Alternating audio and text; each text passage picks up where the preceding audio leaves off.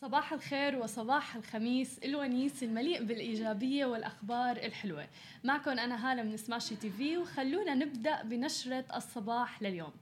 أول خبر معنا لليوم من السعودية وزارة الصحة السعودية عم تستعد لبدء مسح مجتمعي قد يصل إلى المنازل.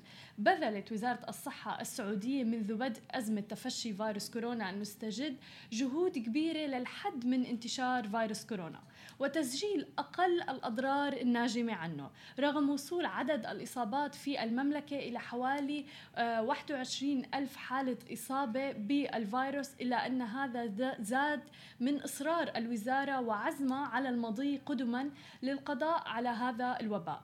وأيضا بحسب آه، صحف سعودية فإن وزارة الصحة السعودية آه، رح تبدأ لفحص مجتمعي للمواطنين والمقيمين أيضا في منازلهم بداية من يوم الجمعة 1 مايو المقبل. وأكدت المصادر أنه هذا المسح المجتمعي بيأتي ضمن عدة خطوات مهمة اتخذتها الوزارة للاكتشاف المبكر للحالات. ومن الاحترازات المهمة للسيطرة وكسر حلقات انتشار الفيروس بشكل مبكر للغاية. يشار أيضا إلى أن وزارة الصحة السعودية وعبر حسابها الرسمي على تويتر أكدت بأنها ماضية في المسح الموسع الخاص بفيروس كورونا الجديد وبذلك في جميع مناطق المملكة. وسيتم الإعلان عن أي مستجدات في وقت لاحق كما دعت الجميع أيضا إلى أخذ المعلومات من مصادرها الرسمية وعدم الانسياق وراء الشائعات.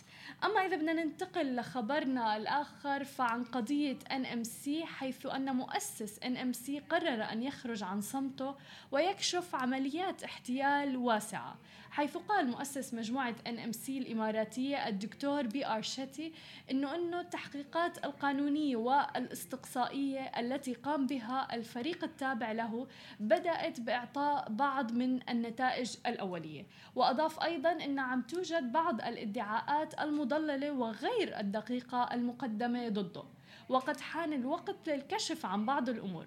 ويعتبر بهذا هو البيان الأول لشتي بعد ما حدث كل الادعاءات ضد NMC وقبل يومين مثل ما بنعرف قرر مصرف الإمارات المركزي تجميد حسابات شتي في البنوك. وكشفت المجموعة مؤخرا عن رصد ديون بقيمة بتزيد على 6.6 مليار دولار.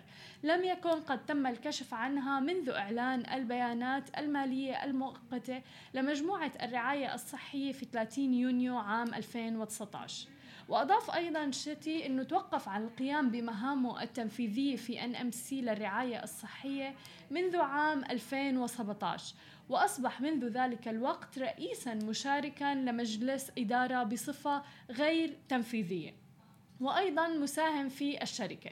كما أنه استقال من مجلس إدارة NMC في 16 فبراير 2020 وقال سلسلة الأحداث اللي توالت منذ ديسمبر 2019 صدمته مثله مثل الجميع بما في ذلك ما تم تداوله عن الاحتيال أيضا والتجاوزات في NMC إضافة طبعا لوجود ديون غير معلن عنها في الشركة وحجم تلك الديون. وأشار أيضا إلى أن النتائج الأولوية التي قدمها مستشارون خاصون به كشفت عمليات احتيال ومخالفات كبيرة حدثت في كل ان من ان ام سي وفي نابل وفي بعض شركاته الخاصة أيضا وضد شتي شخصيا. وأوضح أن هذا الاحتيال قامت به مجموعة صغيرة من المدراء الحاليين والسابقين في تلك الشركات. أما إذا بدنا نحكي عن المخالفات فبحسب شتي تضمنت النتائج الأولية فتح حسابات مصرفية وتشغيلها باسمه بطرق احتيالية. وشملت أيضا العديد من التحويلات الاحتيالية التي لم يصرح عنها ولم يوافق عليها ولم يكن له أي علم بها. بالإضافة إلى ذلك تقديم قروض وضمانات شخصية وشيكات والقيام أيضا بتحويلات مصرفية باسمه بطرق احتيالية واستخدام أيضا توقيع مزور له. ولم يصرح عنه ولم يوافق عليه ولم يكن له أي علم به. بالإضافة إلى ذلك قال تأسيس شركات باسمه لم يصرح عنها أيضا ولم يوافق عليها ولم يكن له أي علم بها والتي تم إنشاؤها على ما يبدو بنية ارتكاب الاحتيال أو حتى إخفائه كما أيضا تم إقامة توكيلات عامة بطرق احتيالية وإساءة استخدام توكيلات حالية باسمه أيضا ولم يكن له أي علم بها ولم يصرح عنها. وإنشاء أيضا بيانات مالية زائفة ومضللة وتقديمها له فيما بذلك يتعلق بأداء بعض الشركات الخاصة واستثماراته أيضا من قبل أعضاء فريق الإدارة في تلك الشركات.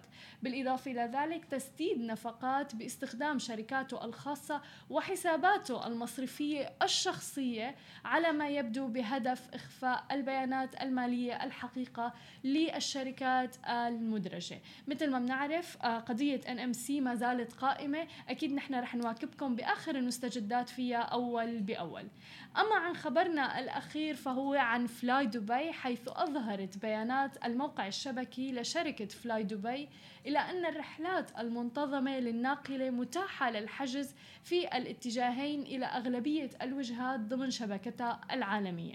اعتبارا من يوم الخميس الموافق 21 مايو المقبل.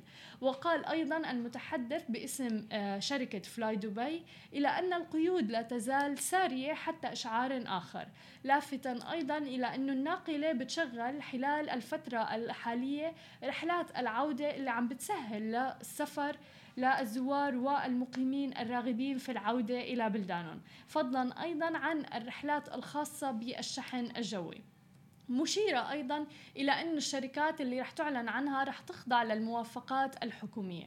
وأضاف المتحدث الرسمي من شركة فلاي دبي إلى أن الناقلة ألغت الرحلات المنتظمة للحجز على الموقع الإلكتروني حتى 20 مايو المقبل مضيفا إلى أننا لم نلغي جميع الرحلات في جدولنا وتابع أنه نحن رح نواصل مراقبة التطورات أول بأول وسيتم الإعلان عن مزيد من الإلغاءات عند الضرورة. في حال طبعا تمديد قرارات تعليق السفر الجوي. وذكر أيضا إلى أن المبالغ المستردة تتماشى مع الشروط والأحكام الخاصة بفلاي دبي ورح تكون على شكل قسيمة فلاي دبي مع فترة صلاحية بتصل إلى 12 شهر أو يمكن للمتعاملين إعادة الحجز إلى تاريخ لاحق. مثل ما عم نشوف أنه قد ترجع فلاي دبي في 21 آه، مايو إلى رحلاتها المعتادة. ومثل ما شفنا أيضا أعلنت آه، دبي تحديدا إلى أنه رح تتم آه، وتستقبل السواح من المتوقع في يوليو المقبل إذا لم يتم تفشي المرض بشكل أكبر وحسب طبعا استمرار تفشيه حول العالم أيضا. هاي كانت كل أخبارنا لليوم. ما تنسوا تتابعونا على كل مواقع التواصل الاجتماعي الخاصة ب Smashi TV. تسمعوا البودكاست تبعنا وتنزلوا ال application. نهاركم سعيد.